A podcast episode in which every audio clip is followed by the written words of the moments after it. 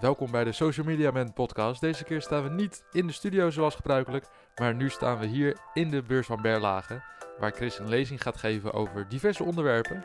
Zo geeft hij tips over het maken van content, bespreekt hij campagnes in de praktijk en laat hij zien hoe Facebook precies werkt.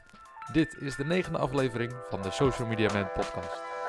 Heel belangrijk is als je content maakt, op wat voor manier dan ook, is de kwaliteit van je content bepaalt het succes van jouw organisatie op social media.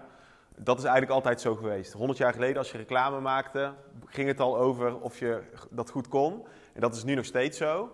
En als er onderzoek wordt gedaan door bijvoorbeeld Nielsen naar verschillende kwaliteit uh, van content, en ook bijvoorbeeld is een advertentie of een video aangepast op de mobile feed. Dus is het bijvoorbeeld ondertiteld, is die boodschap snel helder, et cetera. Dan zie je dat de, de awareness en het herinneren van de boodschap vele malen hoger is bij um, mobile optimized video. Dus dat betekent dat je echt, je kunt niet zomaar een YouTube video van 5 minuten op Facebook zetten zonder ondertiteling en verwachten dat dat werkt. Je moet het anders editen. Dus dat is super belangrijk om, uh, om mensen te bereiken. Nou, wat ook super belangrijk is, wil je succes hebben, is dat je de frictie wegneemt voor je, voor je doelgroep. Het gaat om de digitale gebruikerservaring. En dat betekent, laat je website snel. Uh, gebruik je bijvoorbeeld uh, video die is aangepast op, de, op het platform waar je bent. Gebruik je specifieke story formats, et cetera. Um, en daarbij zie je dus ook al, 40% van de mensen haakt af als de site niet binnen drie seconden laat. Dus als jij een gemeentewebsite hebt waar je mensen naartoe leidt en die laat niet snel, en je bent met z'n allen tijd aan het investeren om daar iets te maken, en dat, dat laat het afweten, dan ben je allemaal weer voor niets het aan doen eigenlijk. Voor de helft, 40% voor niets aan doen. Dus uh, het gaat om de digitale gebruikerservaring. En wat ook heel erg het geval is, met name bij de doelgroep Millennial en Generation Z, is dat zij ook verwachten dat wat ze te zien krijgen echt is afgestemd op wie zij zijn. Dus zij verwachten ook dat wat, ze, wat er wordt getarget vanuit de gemeente of wat dan ook, dat dat hun belevingswereld raakt. Als wij voor gemeente Amsterdam een, een, uh, zo'n campagne voor mono moeten maken, maken we voor de twintiger een heel ander format dan voor een veertiger. Dus je moet echt relevantie creëren. Dat was Chris met tips over het maken van content. Nu gaat hij het hebben over hoe politici slim gebruik maken van de sociale media. Nou, wat je ook ziet hè, als we het hebben over de energietransitie en over duurzaamheid. Een andere trend is dat duurzaamheid heel erg hot is. Dus je hebt ook heel veel weerstand, daar gaan we het zo nog over hebben. Maar bijvoorbeeld heel veel merken die nu hard groeien, die hebben allemaal een duurzaamheidsgoal erin zitten.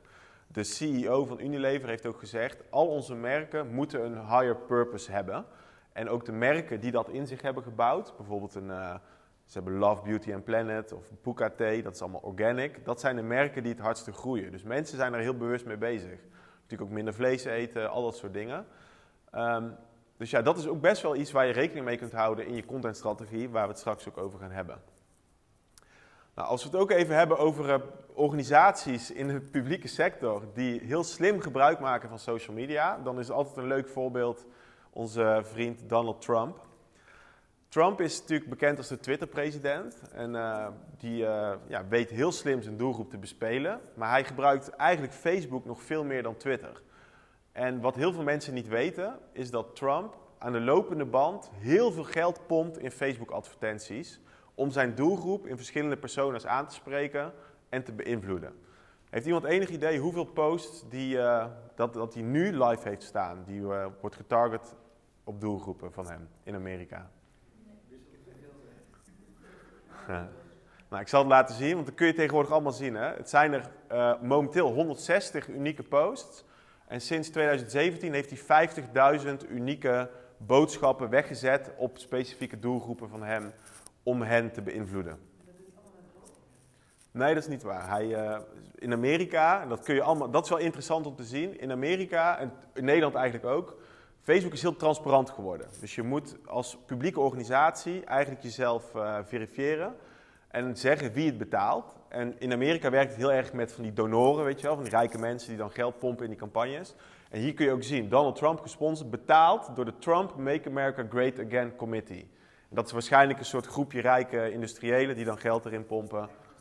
Wat je heel erg goed kunt zien, Facebook is natuurlijk heel erg uh, onder vuur komen te liggen rondom privacy en rondom uh, dat het niet helemaal transparant was wat ze nou aan het doen waren. En eigenlijk zijn ze nu het meest transparante platform wat er is. Want je hebt, als je naar een pagina gaat, van wie dan ook, heb je nu paginatransparantie. En dan kun je zien welke advertenties diegene heeft lopen. En zelfs hoeveel geld erin wordt gepompt. En je kunt dus zien dat Trump deze boodschap, rondom de, de Second Amendment bijvoorbeeld, dat doet hij ook heel veel voor, target hij vooral op de Midwest, daar zit ook veel van zijn doelgroep, en op de oudere doelgroepen van 50 plus. Dus je kunt dat allemaal per advertentie inzien wat hij aan wie wilt laten zien.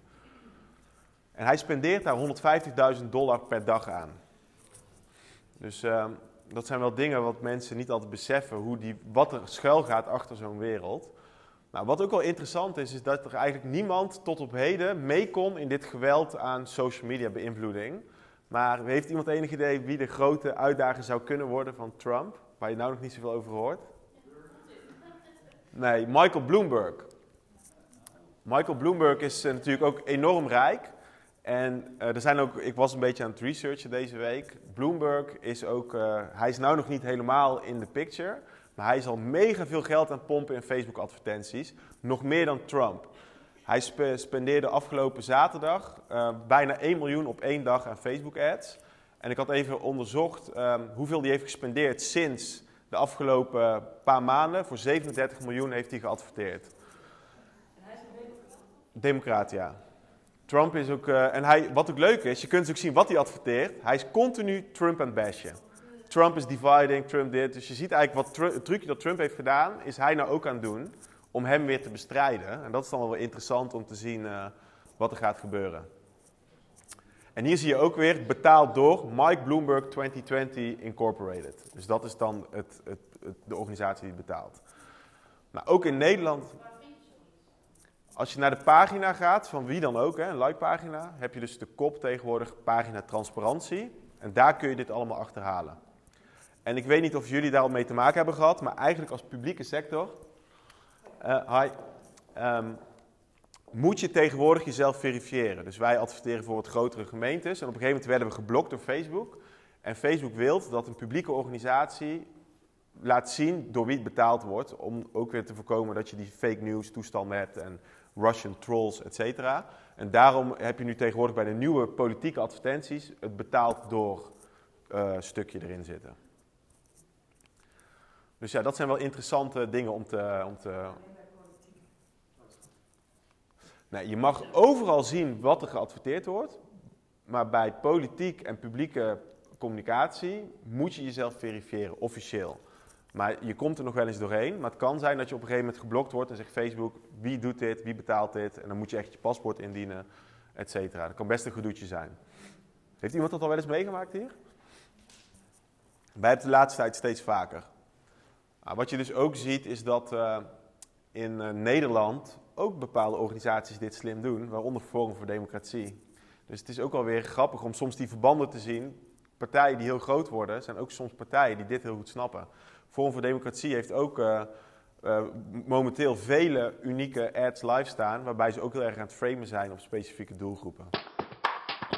Dat zijn twee duidelijke voorbeelden en nu legt Chris uit hoe je het beste Facebook kan gebruiken om jouw doel te behalen. Weten jullie wat het grootste openbare platform is van het moment, wat het meeste gebruikt wordt? Ik had wel interessant, maar even het, uh... Instagram. Ja. Nee, dat is dus nog niet het geval. Het is uh, nog steeds Facebook. Instagram is natuurlijk wel van Facebook. Facebook heeft 9,1 miljoen gebruikers. Maar goed, wat je wel ziet, is dat het landschap versplintert. Dus dat is eigenlijk net als, ik vergelijk het wel eens met de ontwikkeling van de televisie. In de jaren 50, 60 had je gewoon één zender. Dus dat je vroeger had je eigenlijk alleen Facebook. En daar komt steeds meer bij. En nu zie je gewoon het, een versplinterd landschap. Een tiener op, uh, op Snapchat en uh, TikTok. Uh, millennials op Instagram. De ouderen op Facebook. Belangrijkste doelgroep, hardst groeiende groep in Nederland. 65-plussers op Facebook. Dus het versplintert gewoon enorm. Maar het is nog steeds een veelgebruikt platform. Maar je ziet wel dat Facebook, hoe het wordt gebruikt, ook heel erg verandert. Maar dat ga ik zo laten zien. Um, wat wel interessant is, en dat is al even een sneak peek naar een wat technischer verhaal, maar dat is CPM. Kent iemand de benaming CPM? Echt een marketingterm. kosten per duizend weergaven. Dus wat betaal je om duizend mensen iets te laten zien? Die is op CPM enorm of op Instagram relatief laag.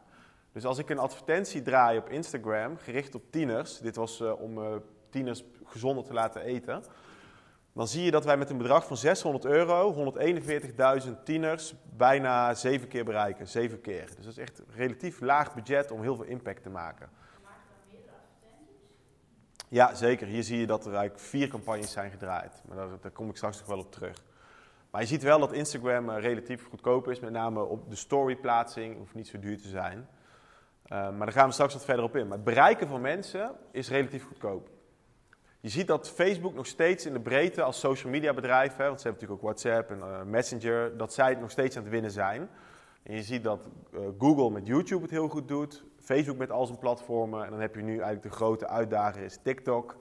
En je hebt natuurlijk, eh, ja, Snapchat blijft redelijk gelijk, jongere doelgroep. En LinkedIn timmert ook hard aan de weg. Dus zie je ook dat steeds meer traffic op LinkedIn komt. Ik verwacht dat jullie dat zelf ook merken, dat je vaker in die feed zit dan een paar jaar geleden. Nou, wat interessant is van social media, met name Facebook, is gericht targeten. Dus je kunt letterlijk zeggen, ik heb een wijk waar we een, eh, een eh, wijkwarmteplan, eh, heet dat geloof ik, waarbij we iets moeten doen. Kun je zeggen, nou ik pak deze wijk, postcodegebied 5348. En dan kunnen we 7900 mensen bereiken en die ga ik dit laten zien. Dat is eigenlijk de hele kracht van Facebook. Maar in principe kun je zelfs dus in kleine postcodegebieden of in dorpjes heel gericht mensen benaderen. Dat heeft helemaal mee te maken hoe jij segmenteert. Nou, ik zal wat meer ingaan op hoe Facebook aan het veranderen is. Dat je ook weet hoe het wordt gebruikt. Want je hoort best wel wat negatieve geluiden. Maar het wordt nog steeds best wel veel gebruikt. Facebook was vroeger echt een, vooral een textueel kanaal met veel sociale content. 2011. 2015 was het al iets meer, minder vrienden en familie, meer video en meer visueel. Omdat ook steeds meer mensen smartphones hadden. We zijn meer gewend aan videocontent te maken, dus dat veranderde. Als je kijkt hoe het afgelopen jaar was, was het nog meer videocontent, veel minder sociaal. En mensen gebruiken het veel minder om echt met elkaar in contact te komen, maar meer om content te consumeren. Dus dat betekent, je gaat naar Facebook toe en jij gaat die nieuwsfeed bekijken om maar content voorgeschoteld te krijgen wat jij interessant vindt. En je, ik weet bijna zeker dat iedereen hier vijf jaar geleden veel meer deelde op Facebook dan nu. Mensen delen minder, maar kijken eigenlijk nog steeds heel erg veel. En Facebook is ook heel erg goed een doorklikkanaal om mensen naar sites toe te laten doorklikken. Dus het is best wel aan het veranderen. En eh, de, wat wel altijd is gebleven, en dat is de grote kracht van, eh, van dit bedrijf, is dat het gaat om people-based communicatie. Dus als wij een uiting maken voor Peter of voor Anne, dan krijgt Peter een andere uiting dan Anne te zien, omdat we weten dat zij op andere dingen eh, getriggerd raakt. Dus het gaat echt om ja, die relevantie. En wat ook aan het veranderen is, is dat je vroeger was de contentdistributie op Facebook heel erg op basis van likes op een pagina. Dus iedereen wilde veel eh, likes hebben en als je dan een like had, dan gingen mensen jouw content zien. Nou, Facebook heeft ontdekt dat het niet de beste metric is om iemand content te laten zien als jij een jaar geleden ooit een keer een pagina hebt geliked. Je hebt er misschien geliked, misschien vind je die content helemaal niet interessant. Dus ze kijken veel meer naar, is een uniek stukje content goed en slaat dat aan, dan krijgt dat stukje content, die video of die post, een hoger bereik. En de newsfeed van alle social media platformen is eigenlijk niets anders dan een veiling. En iedereen wil in de veiling in de feed komen. En van elk moment van de dag willen er zo'n 1200 mensen in jouw feed komen, of 1200 berichten. En het algoritme laat er maar 300 door. En die 300 worden bepaald op basis van, is het een goede pagina, is er veel engagement, heeft die post veel kijkers, blijven mensen lang hangen. Hoe beter je scoort, hoe hoger je organisch bereik wordt. Hoe beter jij content maakt, als je, zeg maar, stel je bent de allerbeste, dan zou je in theorie zonder veel budget hoog bereik kunnen hebben. Echter, dat is voor bijna niemand meer het geval, zul je moeten betalen om mensen te bereiken. En dat is meteen iets wat ik hier ook laat zien. Dit is het organische bereik door de tijd heen. Een paar jaar geleden, als jij 1000 likes had op een pagina, had jij ook bijvoorbeeld 500 bereik gemiddeld. En jaar op jaar wordt dat minder. Dus als jij, ook al heb jij 20.000 likes, dan bereik je misschien nog maar 1000 mensen. Om dat te ondervangen, zul je dus, het gaat niet meer om de pagina like, maar zul je moeten adverteren. En dan zie je ook, als jij niet betaalt, we doen wat campagnes voor de Stadspas in Amsterdam, dan bereik je bijvoorbeeld van de 10.000 likes maar 400 mensen. Echter, als we er wat budget op zetten, zien we meteen, bam, veel hoger bereik en veel meer impact. Dus het is gewoon, de, free lunchtijd op eh, social media is wel een beetje voorbij. En dat is wel een van de belangrijkste boodschappen die ik ook vandaag heb. En dat, daar gaat het overal fout. Mensen en organisaties spenderen heel veel tijd aan creatie. Dus we maken met z'n allen mooie content en we maken wel het krantje. Maar de distributie, daar laten we het allemaal afweten. En de distributie kost gewoon budget. Dat is gewoon onontkoombaar. Facebook wil niets anders dan de gebruiker goede content laten zien. En als ze Facebook ziet, maar LinkedIn hetzelfde, als ze zien van hé, hey, niemand vindt jou, jou, jouw dingen interessant, dan gaan we er ook niemand mee lastigvallen, want dan vervuil jij het platform. En als jij als Facebook te veel slechte content laat zien, haken mensen af. Zo moet je het eigenlijk zien. Zelfs als je heel veel zou betalen, haken, gaat je bereik niet omhoog. Alles wat een gebruiker doet, wordt geanalyseerd. En wat, wat vinden ze goed? Als de doorklikratio gemiddeld zo is. Als mensen een videootje zo lang kijken. Facebook ziet natuurlijk meteen of mensen doorscrollen, of dat uh, mensen niet doorklikken of niet liken. Al die, al die engagement factoren worden meegenomen om jou, te, jou te, te ranken. En hoe ze dat doen is niet openbaar. Google doet hetzelfde overigens. Hè. Ik weet niet of jullie dat weten. Google, de, de zoekresultaten, is ook op basis van kwaliteitsscores. Ook al betaal jij 100 euro per klik, maar Google denkt dat jouw website slecht is, gaat hij jou nooit bovenaan zetten. Dus ze willen, die platformen willen eigenlijk gewoon de juiste afzender bij de juiste ontvanger brengen. Dat is het hele spelletje. Ja, Chris, nou, je bent dus nu klaar met de, de, de kennissessie. Hoe vond je het gaan eigenlijk? Ja, Sam, ik vond het uh, zeker goed gaan. Het was weer een leuke groep. Uh, verschillende gemeentes, ook wel mensen die gewoon in de publieke sector werken. Ja, ik denk dat het heel goed is, je draagt kennis over. En uh, in de tijd van digital media, waarin iedereen alleen maar online vluchtig dingen bekijkt, samen even een halve dag spenderen, is denk ik heel waardevol. En je leert elkaar kennen. En volgens mij zijn mensen toch wel weer uh, geïnspireerd. En bij welke onderwerpen dacht je nou van, nou, ik, ik zie dat mensen wat actiever worden. Ik, ik, ik zie ook uh, ja, gezichten van, oh ja, dat moeten we gaan doen. Welke onderwerpen waren dat? Mm, ik denk een paar dingen. Ik denk het stukje gedragsverandering, welke technieken je daarvoor hebt. Dat je dat heel strategisch kunt verwerken in je contentstrategie, wat mijn collega Arjan had, uh, had gedaan. Ik denk het stukje advertising. En wat mensen echt zeggen, en dat vind ik wel, ook wel mooi, ze zeggen ja, we ontdekken door jullie kennissessie dat je zonder budget, zonder ad-budget, eigenlijk nergens bent. En dat is al stap 1, dat dat bewustzijn er is van hé, hey, je moet er echt serieus in investeren. Dus uh, dat vond ik wel mooi om te zien, dat mensen echt in de gaten hebben, oké, okay, we, we zijn eigenlijk nog maar een beetje aan het klooien. Wat, wat vind je nou echt het leukste om te vertellen? Ik vind het het leukste als het gewoon gaat over echte praktijkvoorbeelden. Dus wat, is, wat hebben we gedaan, wat werkte goed, waarom werkt het goed, waarom zou je dit ook moeten doen? Gewoon echt laten zien op basis van praktijkervaringen wat er werkt. Nou, zo grappig, want ik zit natuurlijk hierachter ook naar jou te kijken, maar ook een beetje het publiek in te kijken. En dan zie je toch wel inderdaad bij, uh, bij, bij casussen of gewoon projecten die jullie hebben gedaan, zie je toch wel mensen kijken van, oh ja, nou dat kunnen wij ook doen. Dan zie je meteen mensen terug gaan schrijven of typen van, nou ja, dit moeten wij ook gaan doen. Ja. Dus het is inderdaad wel leuk om te zien. En wanneer is de volgende kennissessie gepland? Ja, die, we hebben er net weer een reeks gehad. En die, die volgende die moeten we nog plannen. Maar ik denk uh, over niet al te lang. We willen eigenlijk elk kwartaal weer eentje doen. Dus uh, waarschijnlijk voor, voor mei komt er weer een. Dus uh, ja, waar, waar, kunnen we eigenlijk inschrijven voor zo'n kennissessie? Moeten we maar even, de mensen die interesse hebben, moeten even op onze site kijken. Op socialmediaman.nl staat het dan aangekondigd. Oké, okay, helemaal goed. Dankjewel. Thanks.